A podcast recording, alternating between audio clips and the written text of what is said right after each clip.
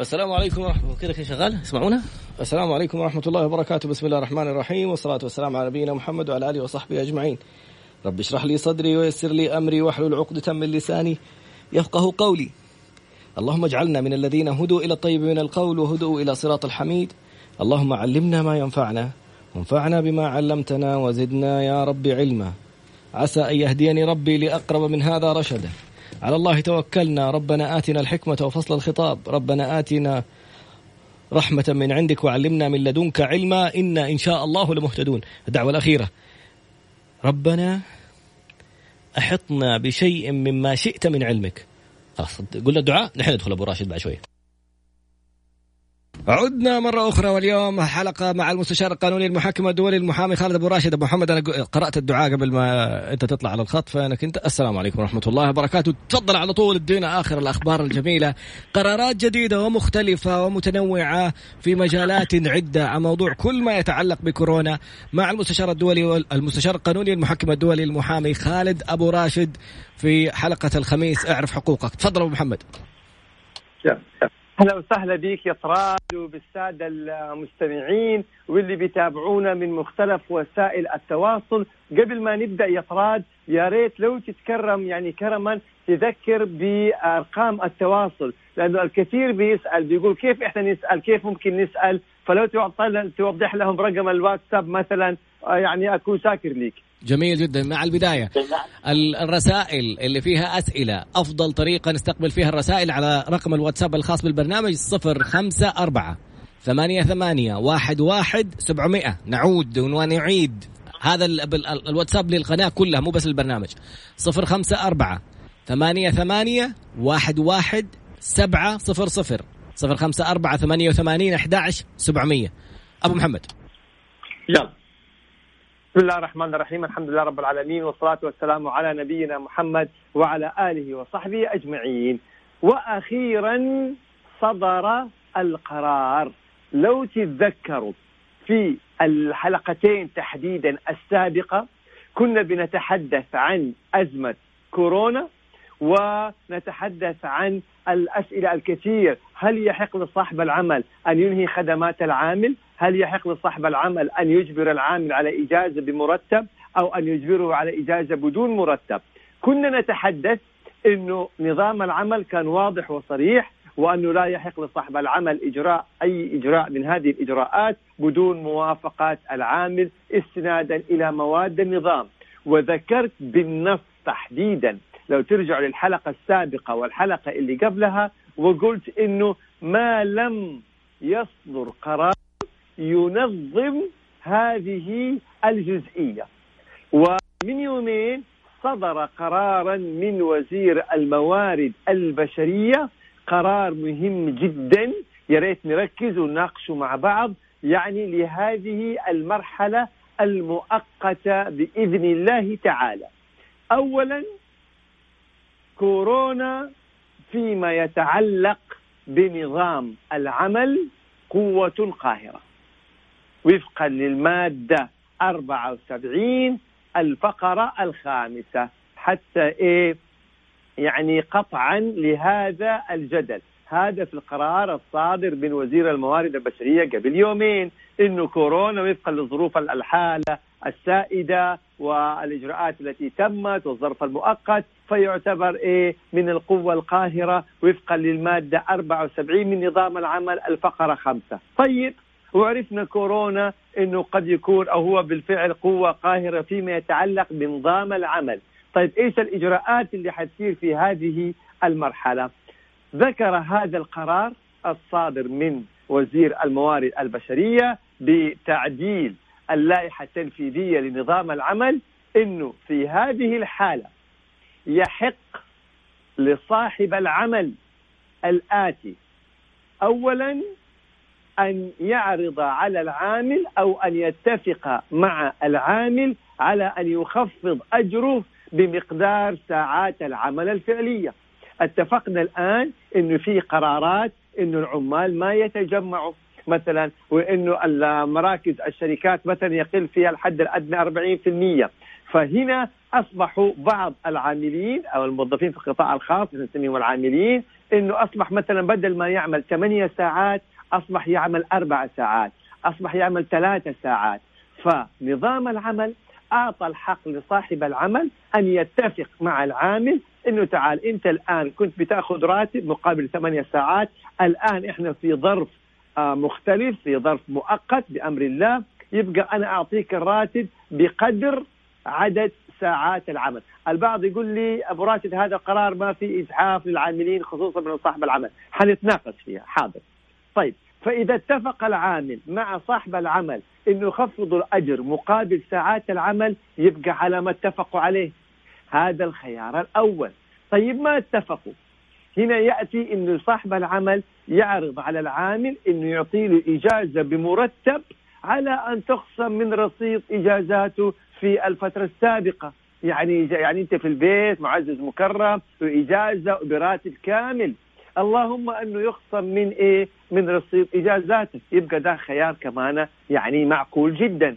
طيب ما اتفق لا على الخيار الأول ولا اتفقوا مع الخيار الثاني. هنا ممكن صاحب العمل أن يأتي للعامل ويقول له والله إحنا يعني آه نعطيك إجازة بدون مرتب. يتم إيقاف تنفيذ العقد إلى حين انتهاء هذه الأزمة. فإذا اتفقوا فعلى ما اتفقوا عليه إذا ما اتفقوا بعد هذه الحالات الثلاثة أو العروض الثلاثة يحق لصاحب العمل أن ينهي الخدمة مع سداد كامل المستحقات أو يحق للعامل أن يفسخ عقده وطبعا استحقاقه لكامل مستحقات مكافأة نهاية الخدمة. تمام؟ ولكن هنالك شرط أيضا في هذا القرار المنظم وهو إن أنه لا يكون صاحب العمل استفاد من معونات الدولة. الدولة الله يحفظها ويوفقها في جميع الإجراءات اللي بتقوم بها لسلامتنا. قامت أيضا فوق هذه الإجراءات بدعم القطاع الخاص. وبدعم آه، بدفع رواتب لموظفي القطاع الخاص بالآلية اللي حددها إنه حد أقصى 70% من عدد العاملين أو خمسة فاقل يبقى 100% و60% من الأجر، اذا الدولة سوف تدفع جزاها الله خير مبالغ للشركات أو المنشآت التجارية كرواتب للموظفين بحد أقصى 60% فإذا استعان أو استفاد بالأصح صاحب العمل من هذه المزايا اللي هي المنح اللي من الدولة ما يحق له يتخذ هذه الإجراءات نهائيا. لكن لو ما استفاد يبقى في هذه الحالة القرار الصادر بتعديل اللائحة التنفيذية لنظام العمل قبل ثلاثة أيام أعطى الحق لصاحب العمل أن إيه، يعرض هذه العروض الثلاثة. طبعا في فئات مستثناة من الدعم الدولة خلينا نقول فيما يتعلق بأجور الموظفين. هذا في القرار الآخر اللي هي قطاع البنوك المواد الغذائية قطاع الاتصالات الشركات التأمين. يبقى ده إيه؟ قطاعات مستثناة من دعم الدولة. لكن نأتي لي اليوم القرار. يبقى هذا القرار اللي صدر قبل يومين أو ثلاثة أيام. البعض يسأل طيب هل هذا القرار فقط اللي هي مفاوضة صاحب العمل مع العامل؟ آه فقط للسعوديين ولا للسعوديين وغير السعوديين. إحنا هنا دائما نقول نقرأ القرار. هل القرار اقتصر هذه العروض الثلاثة أو هذه الخيارات الثلاثة على العامل السعودي؟ لا. طالما لم يقتصر ذلك على العامل السعودي وكان نص القرار إنه صاحب العمل والعامل دون تحديد جنسيته يبقى هذا القرار يشمل السعودي وغير السعودي. طيب هنا البعض كان بيتساءل إنه هذا القرار مجحف على العاملين. طيب أيضا هنالك وجهة نظر أخرى إنه هذا القرار مثلا مجحف لأصحاب العمل. لا هنا شوفوا هنا في ظرف بنعدي فيه يبقى لازم نتعاون. يعني لما نأتي لصاحب العمل صاحب العمل في فئة من المنشآت أغلق النشاط بالكامل قفلت محلاتها. طيب هذه المنشأة التجارية اللي أغلق نشاطها بالكامل أو أغلقت محلاتها طيب أصبح ما في بيع ما في إيرادات. من فين يدفع للموظفين؟ وفي نفس الوقت الموظف هو يعتمد بعد الله عز وجل على راتبه. طب الآن هذا لو توقف راتبه من فين حيعيش؟ فهنا كان لازم تكون في يعني جزئية يعني سددوا وقاربوا لابد يكون في تنازل من الطرفين. نأتي لصاحب العمل ونقول له إذا أنت الدولة دعمتك يبقى ما تستفيد ما ما يحق لك تنهي الخدمات نهائيا. لأنك استفدت من دعم الدولة. طيب المنشآت اللي ما استفادت من دعم الدولة يبقى إيه؟ تتفاوض مع العامل. هنا أنت كعامل أرجوك رجاء انظر نظرة يعني مستقبلية. لما يأتي صاحب العمل إذا أنت رأيت أنه تضرر رأيت أنه ما عاد صار عنده مبيعات أنه محلاته أغلقت بالكامل ما عنده دخل من فين ادفع رواتب فيفترض أيضا أنك أنت تتعاون معه. إذا أعطاك إجازة بمرتب يعني يا رجل يعني يا أختي كريمه هذه حاجة يعني ممتازة جدا إجازة وبمرتب. إذا قال لك نخفض أجرك لهذه الفترة فقط لا غير وبعدين ترجع الأمور كما كانت أنظر أنت. والله عندك بدايل لا أرفض وروح على البديل. إذا ما عندك بدايل هل تقبل بتخفيض أجرك وتمشي الفترة دي ولا إنهاء خدمة؟ يعني أنت أنظر لهذه الجزئية. أيضا لأصحاب الأعمال لا تستغلوا هذه الجزئية مثلا أجي أنا أعرض على الموظفين والله كلهم موافق أنهي خدماتهم. ما إذا أنت إذا انهيت خدمات 10 و20 و30 موظف حتدفع مكافأة نهاية الخدمة بالكامل لجميع هؤلاء العاملين. وقد يكون مبلغ ضخم جدا أكبر من اللي أنت حتوفره. يبقى يعني سددوا وقاربوا إنهاء الخدمة أكيد أستاذ الكريم هنا أحد الأخوان بيسأل بيقول إنه هل إنهاء الخدمة على أي مادة؟ ما حيكون على المادة 80 لا. إنهاء خدمة على المادة 74 ويستحق العامل كامل مستحقاته مكافاه نهاية خدمة ومثلا متبقي من الراتب والإجازات وجميع مستحقاته اللي هي بموجب نظام العمل. اذا نختصر ونقول إنه في اليومين السابقة صدر قرارا ينظم هذه الفترة وبمجرد انتهاء إجراءات الدولة رعاها الله الاحترازية الخاصة بكورونا تعود الأمور كما كانت ويعود الراتب كما كان ويعود الانتظام بشكل يعني إيه كامل بأمر الله تعالى. فكان هذا القرار ألهام جدا يعني المؤثر في هذه الفترة. فأتمنى من أصحاب العمل والعاملين أن يعرفوا حقوقهم ما لهم وما عليهم بموجب هذه بموجب هذا القرار الخيارات يعني المتاحة لصاحب العمل والحقوق أيضا للعامل إنه إذا ما نفعته هذه الخيارات الثلاثة يستطيع إنه هو يعني إيه آه يفسخ عقده ويستحق كامل المستحقات بكامله. هذا فيما يتعلق بالمحور الأول من برنامجنا اليوم وهو القرار الصادر من وزير الموارد البشرية بتعديل اللائحة التنفيذية لأنه في السابق كنا نتحدث عن إنه هل يحق لصاحب العمل يفسخ أو اجازه أو اجازه بدون مرتب، الآن الصورة أصبحت واضحة، اللي حاصلين على دعم الدولة ما يحق لهم أن ينهوا خدمات العاملين نهائيا، وإذا أنهى خدمات العامل حيستحق التعويض ومكافأة وكل إيه الفصل الغير نظامي. أما الجهة اللي ما استفادت من معونات الدولة يحق لها هذه الخيارات الثلاثة وتبقى المسألة ما بين العامل وصاحب العمل. يطرد إذا عندك أي تعقيب أو مداخلة. والله آه، لفتتني نقطة واحدة أبو محمد كانت يعني شفتها مختلفة.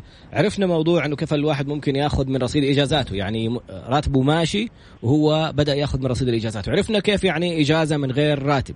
عرفنا كيف بس في كلمة قلتها أنه وقف عقد العمل. هذه أول مرة. يعني أنا الآن جالس أشتغل أوقف عقد عملي فلا يستحق عليه إنه يعتبر من سنين الخبرة ولا من سنين الدوام اللي ممكن تنحسب في نهاية الخدمة. وأوقفها ما يكون فيها رواتب. بعدين أرجع بعد المشكلة أرجع أصحح الموضوع. تماما. تماما. إيقاف عقد العمل أو إجازة بدون مرتب بمعنى إنه يتوقف العقد وما ينحسب في مكافأة نهاية الخدمة إلى حين زوال هذه الأزمة ثم يعود ليكمل العقد بالكامل. أيضا يا شباب في جزئية جدا مهمة جدا مهمة.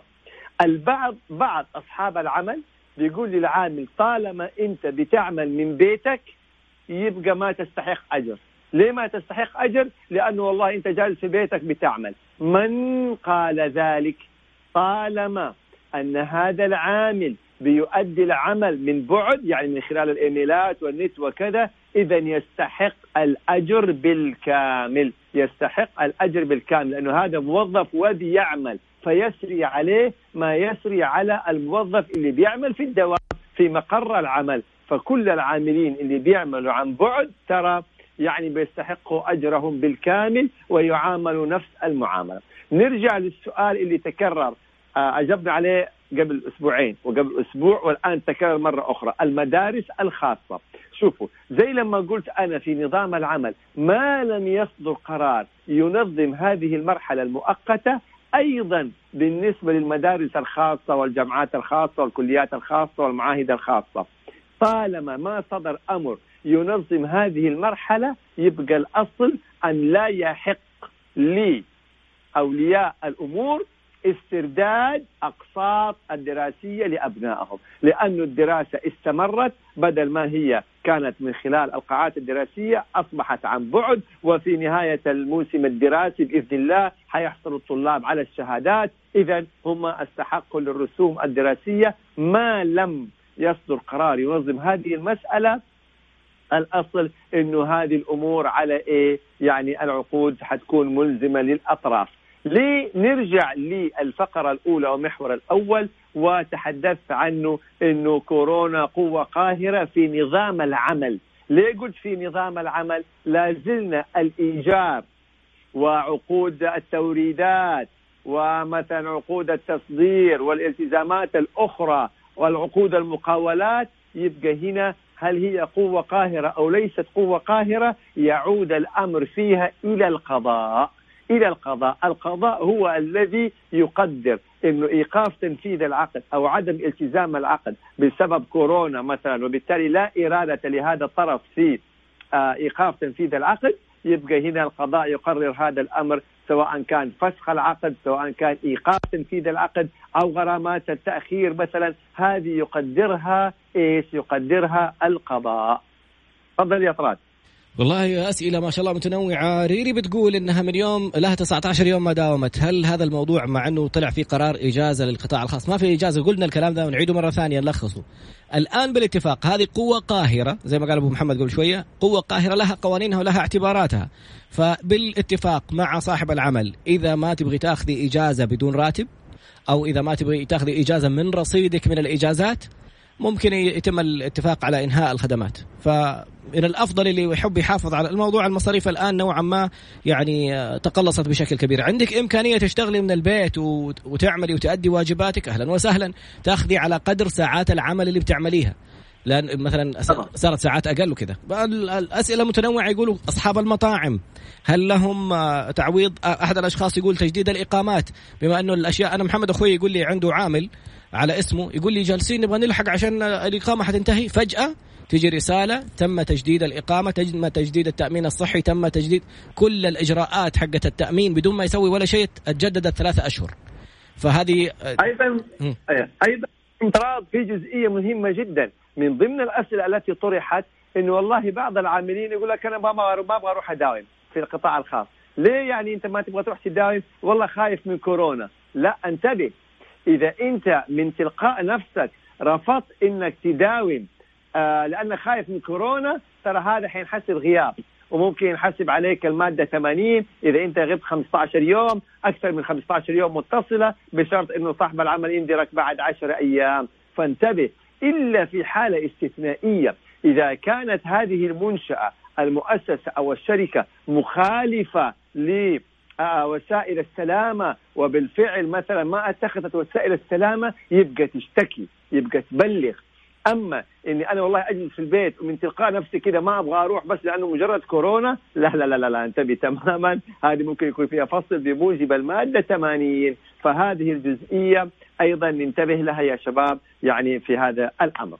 الآن عندنا محاور أخرى. يعني إحنا دائما في برنامجنا بنجيب القرارات اللي بتصدر خلال الأسبوع ما بين الحلقة السابقة والحلقة هذه عشان نواكب الأحداث. في قرارات من النيابة وفي قرارات من الأمن العام وقد يكون في قرار من النيابة مفاجئ أو مفاجأة للبعض ما انتبه لها نحب نوضحها نحب نوضحها بعد قليل بعد قليل بعد قليل. بعد قليل نعم. في الفقرة القادمة إن شاء الله أول سؤال بس سجله عندك محمد عشان لا تقول لي دحين امبراشة ومدري مين. أنا حانسى من دحين؟ ما عندي قلم. خلاص خلاص خلاص. بعد الف... بعد قليل خليك تفاعل رائع وأسئلة جميلة جدا ومع المستشار القانوني المحكم الدولي المحامي خالد أبو راشد. تكلمنا في الفقرة الماضية عن الجديد في موضوع قوانين العمل وما يتعلق بها. الفقرة هذه قبل أن نبدأ بها آه، أستاذة تسأل تقول حامل في القطاع الصحي ما المختلف معها أو كيف إيش ممكن يصير معها؟ تداوم ما تداوم؟ يعني هو طبعا بالنسبة آه القرار الصادر أتوقع قبل ثلاثة أسابيع أنه في فئات استثنت من الدوام. وإنهم يحصلوا على إجازة أو بمرتب يعني من ضمنهم الحوامل من ضمنهم اللي عندهم أمراض مزمنة أعتقد كبار السن. يعني هذا في قرار صادر من ثلاثة واربع أسابيع يا طراد لازم إحنا نرجع له ونشوف الحالات المستثناة بالنسبة للفئات من الحضور للدوام. أنا متأكد بما فيها الحامل بما فيها والله ماني عارف اللي فوق ال 50 أو فوق ال 60 يعني في سن معين أو 55 أيضا عندهم أمراض مزمنة في قرار نظم هذه الجزئية. أيضا يطراد بالنسبة لي الايجار هنا بيسألوا بيقول أنا مستأجر فندق أو أنا مستأجر مثلا محل من مركز تجاري الآن الفندق عندي متعطل بالكامل كيف أدفع إيجار؟ أو أنا كيف مثلا أدفع الايجار المحل التجاري؟ شوف هنا أنت حاول مع المالك إنكم يعني آه تنسقوا مع بعض بإيقاف تنفيذ عقد الإيجار أو بالتخفيض، أما إذا ما استطعت أنا ما بعطيك فتوى لأنه هذا قرار قضائي، إذا أنت فسخت عقد الإيجار أو رفضت أو هو راح إلى القضاء، هنا القضاء حينظر في هذا الوضع وحيقدر القضاء مثلا إذا كان نعم من حقك تفسخ عقد الإيجار أم لا، ليه؟ في نظام العمل قلنا في قوة قاهرة بموجب قرار صادر من وزارة الموارد البشرية. أما في القضاء ما ما في شيء صدر وبالتالي حيعود هذا الأمر لتقدير القضاء. نرجع يا لمحور مهم جدا. قبل ما نتحدث عن محور مهم جدا في محور مهم آخر وهو أنه الأمن العام أصدر رسميا أنه أي إنسان يعلم أن هنالك إنسان آخر رجل أو امرأة يروح استراحات أو تجمعات يبلغ. أصبحت الآن في هذا الظرف الحرج آه الله يرفعه عننا يا رب إن شاء الله أنه إذا تجمعوا أو هنالك تجمعات فهذه التجمعات تخالف أوامر الحظر أو أوامر منع التجوال وبالتالي إذا أحد عرف إنه في ناس بيروحوا استراحة شباب تجمعات يبلغ على تسعة تسعة تسعة بالنسبة لجميع مناطق تسعة واحد واحد بالنسبة للمنطقة الغربية. إذا انتبه يا شباب التجمعات. لو أحد بلغ عليكم تراها يعني تعتبر مخالفة وحيكون فيها عقوبات كبيرة جدا. والأهم من العقوبات والأهم من المخالفة حياتكم وصحتكم. الله يحفظكم جميعا. فانتبهوا لهذه الجزئية. أما قرار النيابة العامة لو تتذكروا قبل يعني يمكن ثلاثة أسابيع أو حتى أربعة أسابيع في الحلقات السابقة ما تحدثنا وقلنا إنه الشخص الذي يعلم أن لديه مرض كورونا ويقوم في الأماكن العامة عامدا متعمدا. بأعزكم الله جميعا يعني بالبصق أو إطلاق السوائل اللي في فمه يعني على الأماكن العامة في المواد الغذائية أو المصاعد أو يعني الأماكن اللي الناس تلمسها بشكل عام. أن عقوبته تعزيرية وبناء على الفتوى الصادرة قد تصل إلى حد القتل تعزيرا أو حتى حرابة يعني بهذا الفعل.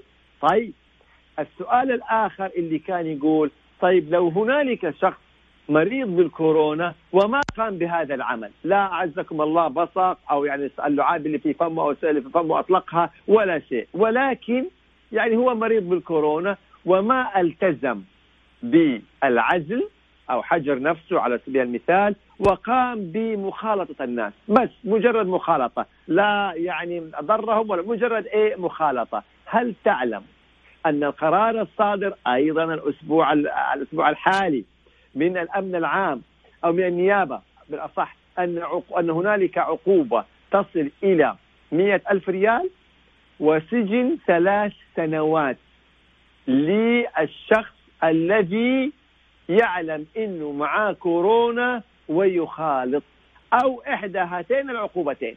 انت وحظك غرامة وسجن أو إحدى هاتين العقوبتين للشخص الذي يعلم إنه مريض بالكورونا عمل تحليل وجاء له خبر أو إفادة إنه أنت معك كورونا مثلا التزم المنزل أو خليك في العزل أو في الحظر أو كذا فخالف هذا العزل أو هذا الحجر وخرج يعيش حياته بشكل عادي خالط الناس. أو هذه فيها سجن وفيها غرامة وأيضا الجديد والخطير في قرار النيابة. وهو ويحق لكل متضرر المطالبة بالتعويض. يبقى ركزوا لي على هذه الجملة.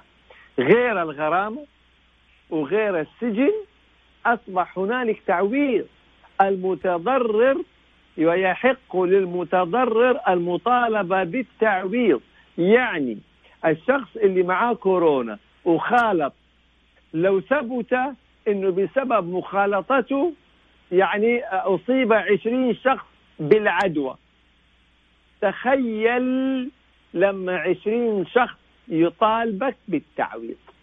كل واحد من العشرين حيرفع عليك قضية طالبك فيها بالتعويض. هنا كان سؤال جميل. التعويض غير الغرامة؟ نعم. الغرامة للدولة والسجن طبعا يعني عقوبة السجن حتكون عليه. وأيضا يحق لكل متضرر أن يطالبوا بالتعويض. يعني تخيل هذا الحجم سجن وغرامة وتعويضات من المتضررين. شوف أنت أحسبها كم ممكن توصل. طيلة هذا الضرر يعني لمجرد أنك بلغت بأنه عندك كورونا. الله يسر الجميع ويحفظ الجميع يا رب إن شاء الله. وعليك بالتزام تعليمات معينة والحجر والحظر في المنزل وكذا فقمت أنت بكل استهتار ورحت طلعت إيه؟ خالطت الناس.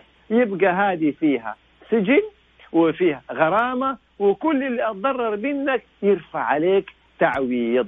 أما إذا يعني في حالة يعني نفسية رحت أنت تعمدت إنك يلا أنا مريض كورونا مريض كورونا رحت بصقت ولا زي ما صارت بعض الحالات هذه يبقى هذه كمان فيها ممكن يعني قتل تعجيرا. فننتبه يا شباب من هذه الأمور نلتزم تماما بما نتابع أول بأول القرارات اللي بتصدر. هذه جزئية جدا مهمة. هذه قرارات ترى فيها عقوبات وفيها سجن وفيها أمور كثيرة. هذا الأسبوع صدر قرار إنه إذا أنت شفت أي أحد يروح يتجمع تجمعات بلغ. مجرد تجمعات استراحة أصحاب عزومة مناسبة بلغ. إحنا في مرحلة حرجة صحيا. لابد إننا نتكاتف مع الدولة عشان بأمر الله تعالى ربنا يفرجها علينا جميعا وتكون يعني إيه فترة من التاريخ تعدي بأمر الله تعالى. هذا يطراد فيما يتعلق بالمحاور الثلاثة التي يعني ناقشناها اليوم كل أسبوع بتكون في قرارات لازم نتابعها إذا الله أحيانا جميعا يا رب الحلقة القادمة يا أو الأسبوع القادم ربما نتحدث ونناقش أمر خادم الحرمين الشريفين بتعليق الأحكام النهائية الصادرة في الحق الخاص وأيضا تعليق الأحكام الخاصة بالزيارة وتنفيذ الزيارة، كيف يعني تعليق؟ وإيش يعني الأحكام النهائية الصادره بالحق الخاص؟ والإطلاق الفوري، هذه الأمور ممكن نناقشها إن شاء الله تعالى في إيش؟ في الأسبوع القادم لأنه ما شاء الله قرارات تفاعلية أول بأول فيعني حناخذها مرحلة من الحلقة. تفضل يا طراد إذا الآن يعطي المجال للأسئلة والاستفسارات. في الفقرة القادمة حنبدأ الأسئلة إن شاء الله لكن سؤال نفس السؤال اللي سألتك يا أبو محمد لما قلت لي على موضوع إذا أحد تضرر كيف ممكن يرفعوا قضية على الشخص اللي أصابهم؟ إذا كان هو عارف وما التزم بالتعليمات يحق لكل إنسان تضرر. يعني اتنقلت له العدوى إنه يطالب أو يقيم عليه دعوه بالتعويض. لكن آه، أستاذة نجوى الكوتش نجوى بتقول هل لا قدر الله إذا وصل الضرر إلى الوفاة هل من حق أهل هذا المتوفي إنهم يطالبوا بدية؟ طبعا سؤال جميل جدا. طبعا نفس الشيء. يعني إحنا بنقول الضرر للشخص اللي إيه اللي هو عايش. طيب هذا إنسان توفى ممكن إنه يطالب بالدين ممكن طالما إنه أعطي الحق للمطالبة بالتعويض عن الضرر فإذا الضرر وصل إلى حد الوفاة ممكن إنه هو يطالب بالدية. فتخيلوا هذا الأمر كيف؟ لا نستهتر يعني يمكن في السابق يقول لك يا أخي أنا لا يعني عزمك الله لا حابسخ ولا حأقول بهذه الأمور أنا بس أبغى أعيش حياتي. عيش حياتك في غرفتك عيش حياتك في عزلك. إن خرجت من العزل ترى سجن. وغرامة وكل اللي يمرض بسببك حيطالبك بتعويض. يعني ها ننتبه تماما المسألة نأخذها مو بجدية بكل الجدية والاهتمام. وأرجع أكرر لابد أنه إحنا نتابع أول بأول إيش اللي بيصدر من قرارات لأنه كل أسبوع بتصدر قرارات يعني سواء كان في قطاع العمل سواء كان في قطاع الإجراءات الخاصة بالاحترازات من كورونا فبتكون في قرارات أول بأول. ونقطة جدا هامة نرجع نكررها مرة ثانية. ال... يعني الناس بيخرجوا ولا زال بعض الناس يقول بيقول لك للضرورة اخرج فقط للضرورة مو عشانك إذا عشان أهلك عشان الناس اللي في بيتك عشان والدك ووالدتك عشان أولادك وأخوانك.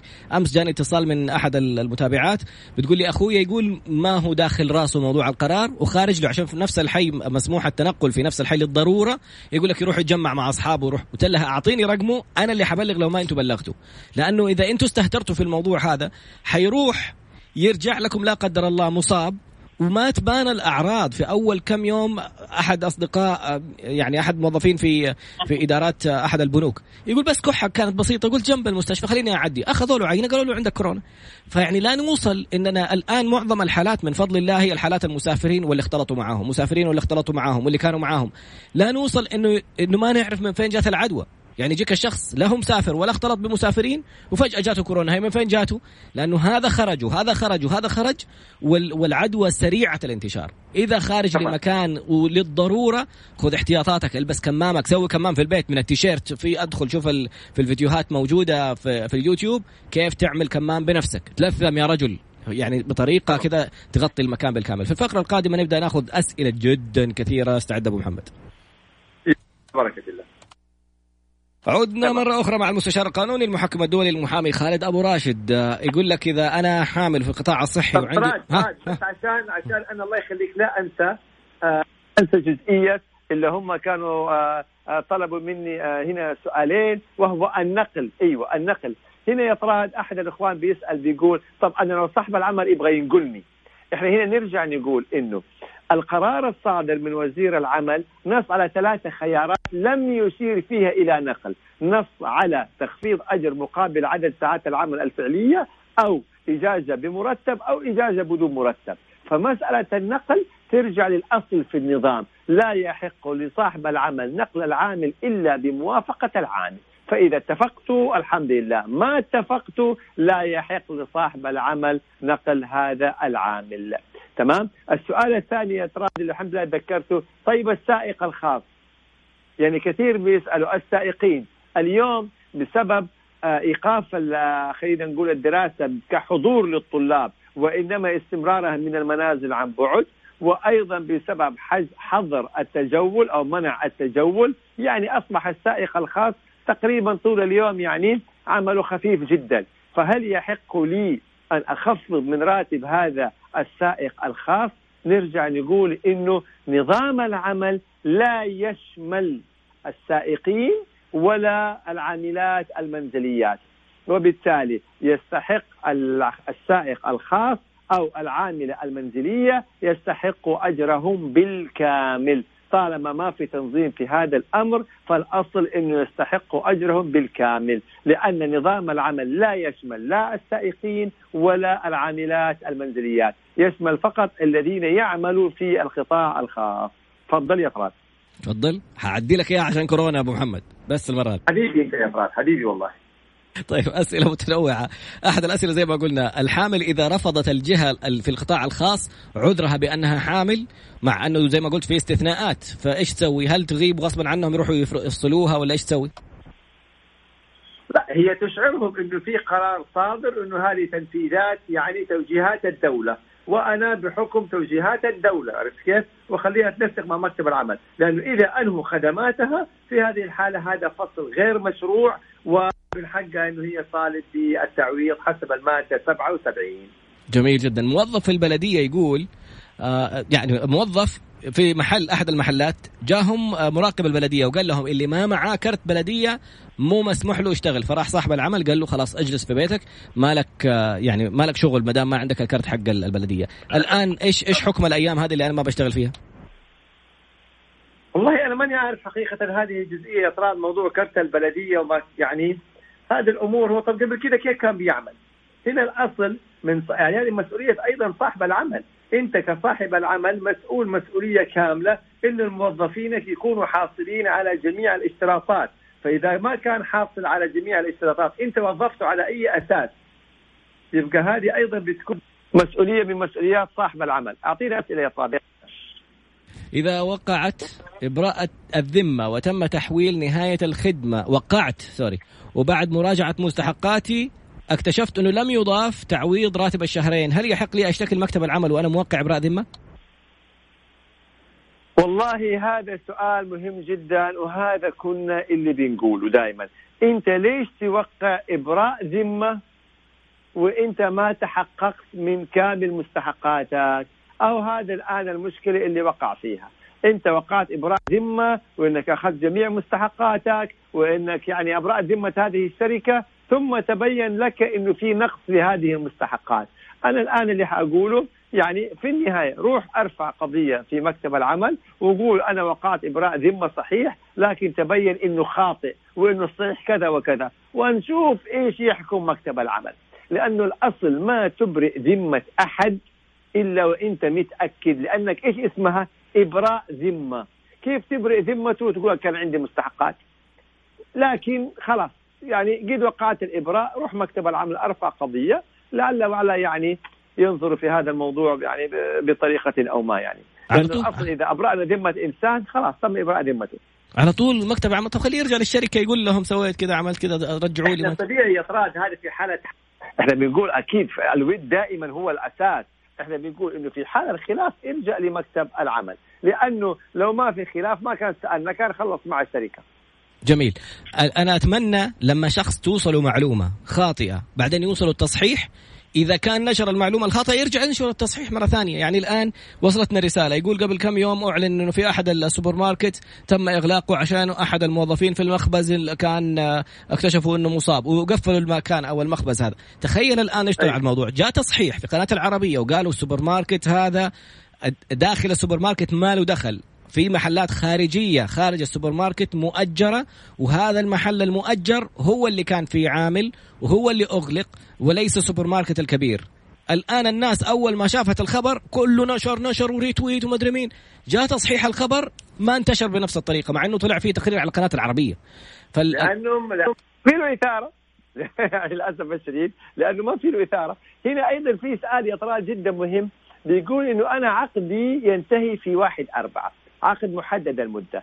فلما جينا قبل العقد قبل انتهاء العقد بيوم أو بيومين قالوا لي شكرا إحنا يعني عقدك محدد المدة فلا يعني لن نجدد هذا العقد.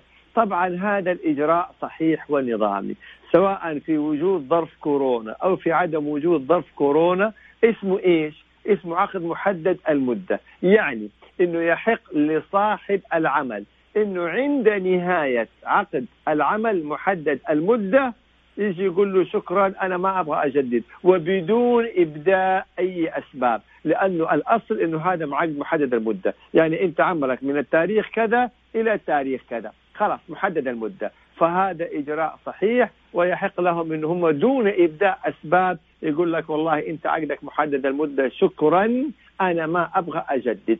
طبعا العقود محددة المدة. بحد أقصى أربع سنوات إما ثلاث تمديدات أو أربع سنوات إذا عدينا ثلاث تمديدات أو أربع تجديدات أو عدينا أربع سنوات أصبح عقدا غير محدد المدة طيب إيش الفرق بين عقد محدد المدة وعقد غير محدد المدة؟ عقد محدد المدة ينتهي بنهاية مدته ويحق لصاحب العمل إنه ما يجدد بدون إسباب. أما عقد غير محدد المدة لا لابد إنه يكون في سبب مشروع لإنهاء العقد. لو ما في سبب مشروع طبعا حيكون فسخ غير نظامي غير مشروع وحيكون في تعويضات. هنا الأخ الكريم بيسأل بيقول طب مش المفروض ينذرني قبل بشهر الإنذار اللي قبل بشهرين في العقود غير محددة المدة أما في عقد محدد المدة ما هو من أول يوم أنت وقعت في العقد عارف نهايته عارف نهايته. هذا الأصل.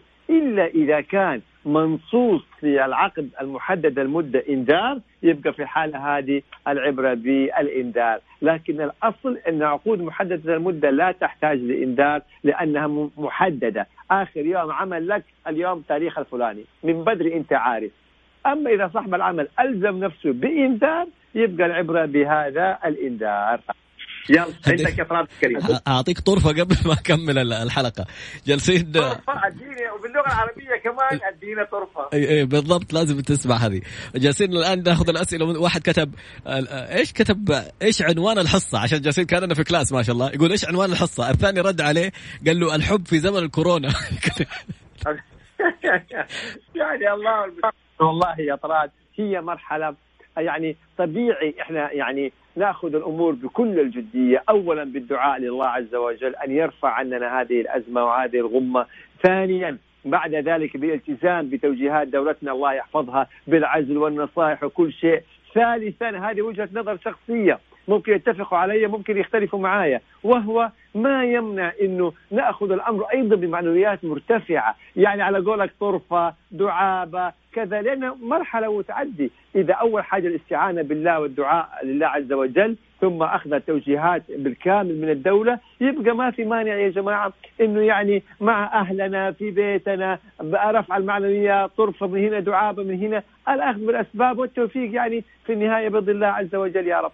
تفضل تفضل يا أبو آه سؤال جميل. يقول لك أنا شاركت في أحد القنوات وقالوا إنه في كوبون حق أحد الجهات الفندقية وأخذت الكوبون وعليه اسم القناة وعليه اسم الفندق وعليه اسم المسؤول أتصل عليهم يصرفوني أروح لهم ما حد يجاوب علي. فين أشتكي؟ هذا طبعا قبل ما يقفلوا المواضيع هذه كلها. طبعا إلى يعني آه هي قناة ما التزمت. أنا في رأيي في البداية قدم شكوى لوزارة الإعلام. إذا حلت الموضوع ما حلت الموضوع على طول على القضاء. نعم. سبق انه هنالك آه صحيفة ما التزمت بجائزة وما أوفت يعني لظروف ما فصاحب الجائزة رفع قضية في المحكمة وحكم له. نعم. فإحنا خلينا نقول في البداية وزارة الإعلام يعني لعل عسى ينهوا الموضوع. إذا ما حل وزارة الإعلام يبقى نرجع على طول للمحكمة العامة. المحكمة العامة. طيب آه، وصل سؤال جميل أيضا يقول أنه الجهة اللي أنا أعمل فيها مثلا إذا إذا استفادت من الدعم فقط للسعوديين وما استفادت لغير السعوديين هل يعني تلزم بإبقاء غير السعوديين ولا حيصير فيهم نفس الخطوات اللي قلت عليها في بداية البرنامج؟ آه هذا السؤال جميل جدا. الدعم كان بين شقين الشق الأول الخاص بالسعوديين تمام؟ اللي هم 70% ونص القرار اللي هو خاص بدعم السعوديين 70% على إنه يلتزم صاحب العمل بدفع كامل الأجور لباقي السعوديين بالكامل العقود عرفت كيف؟ وأيضا بالنسبة للعاملين غير السعوديين فهو ملزم معهم بعقود العمل اللي إيه اللي بينهم. اللهم إنه أيضا أتيحت ميزة لغير السعوديين انه هو يضع اسمائهم في منصة أجير، يعني بمعنى العامل اللي على كفالتي ممكن أنا أحطه في منصة أجير لأن الآن أنا ما بستفيد منه بحكم الظرف الحالي، لكن ربما في شركات أخرى محتاجته فينتقل إلى هذه الشركة مؤقتا إلى حين يعني آه انتهاء هذه الأزمة ثم يعود إليه. ف سداد كامل الأجور بالنسبة بالنسبة للناس اللي انتفعوا أو المنشآت اللي انتفعت من الدولة تدفع كامل الأجور بالنسبة لباقي الموظفين، أما بالنسبة للي دفعت لهم الدولة فيعني 60% يجلسوا في بيوتهم. إجازة. يعني أنا ما يحق أجي أرفع للدولة مثلا أسماء الموظفين السعوديين. وأحصل على دعم. إذا الدولة تدفع لهم الرواتب وأوظفهم. أنتبه هذه مهمة لا. إذا الدولة دعمت بالستين في المية يبقى لا يحق لك أنك توظف يعني يستمروا في العمل يجلسوا في منازلهم إلى حين انتهاء الدعم وانتهاء الأزمة يعودوا إلى العمل، لكن مو الدولة تدفع له وأنت تخليه يشتغل، هذه نصت عليها جزئيه أيضا انتبه لها في هذه المسألة. أوه والله هذه المعلومة أنا دوبي أعرفها. يعني الدولة تدعم عشان هو جالس في البيت مو تدعم عشان تستغل أنت الموضوع وتقول له تعال اشتغل عندك 60%. طبعا أنت الآن جيت وقدمت الدولة وقلت أنا والله ظروف كورونا ما عاد صار عندي ذاك الدخل أو ما عاد صار عندي هذاك العمل. تمام؟ وأصبحوا فايضين عن حاجتي. طيب جزاك الله. آه جاءت الدولة وهؤلاء الموظفين السعوديين اللي انت لقيت انهم زادين عن الحاجة أصبحت الدولة تدفع لهم رواتب. تيجي تقول لها يرجعوا يشتغلوا طب إذا أرجعوا يشتغلوا طب أنت حطيت اسمائهم ليه؟ معناته صار عندك عمل.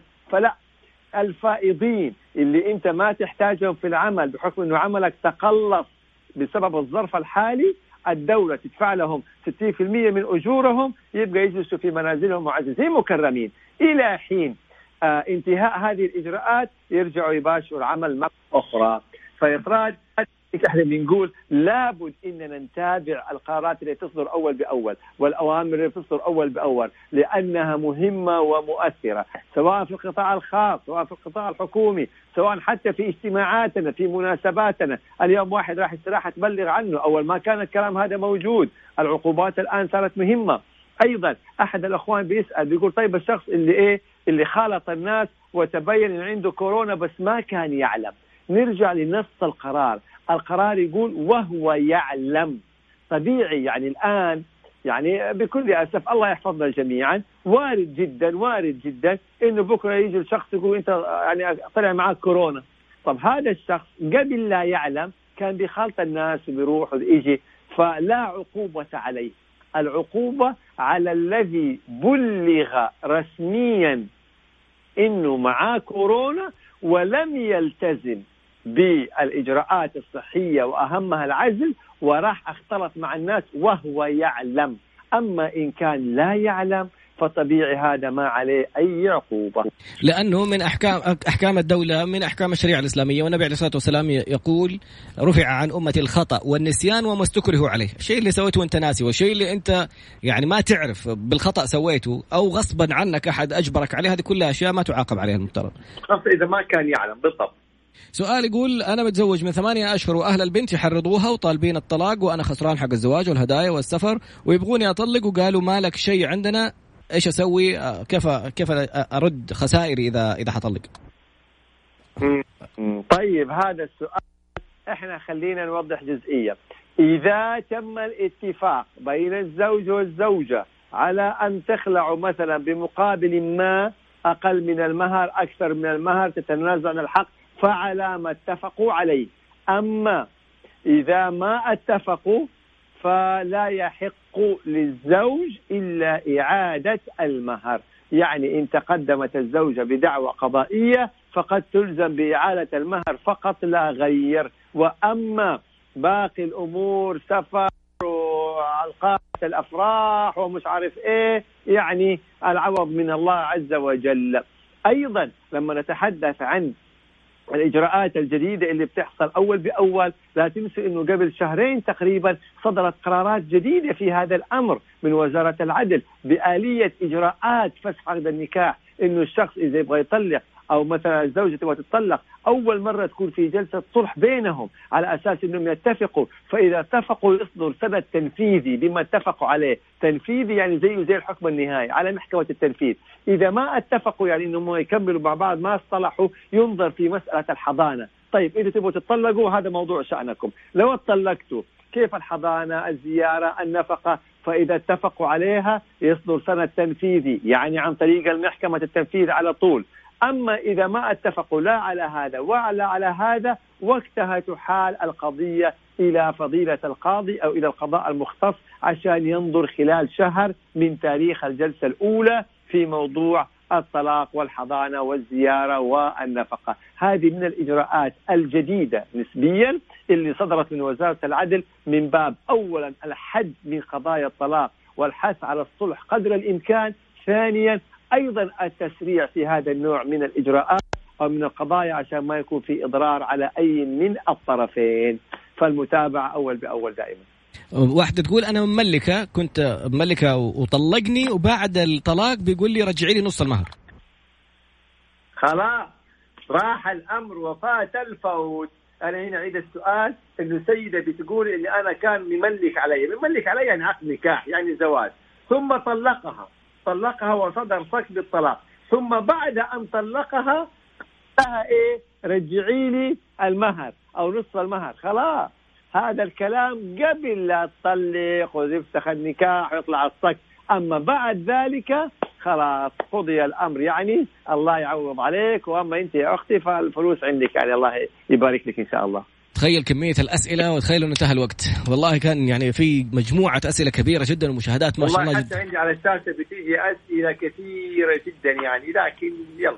الأسبوع القادم بإذن الله نستعرض قرار خادم الحرمين الشريفين في إطلاق آه، كل أصحاب الحقوق المالية أو القضايا المالية وإعطائهم مهلة للسداد وإخراجهم بأمر يعني ملكي بالإفراج عنهم مباشرة. هذه إن شاء الله الأسبوع القادم بإذن الله. مع المستشار القانوني المحاكم الدولي المحامي خالد أبو راشد اسمعنا الخميس القادم معاه. ويوم الاثنين والثلاثاء والأربعاء القادمين القادم إن شاء الله حتكون باقي حلقات البرنامج من الثانية حتى الثالثة. شكرا جزيلا أبو محمد. سبحانك اللهم وبحمدك أشهد أن لا إله إلا أنت أستغفرك وأتوب إليك.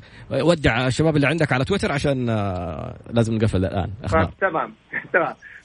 لك إطراف لكل اللي بيستمعونا في Mix FM واللي بيتابعونا في وسائل التواصل. نلقاكم الأسبوع القادم وأنتم يعني سالمين غانمين دائما في خير وسعادة يا رب.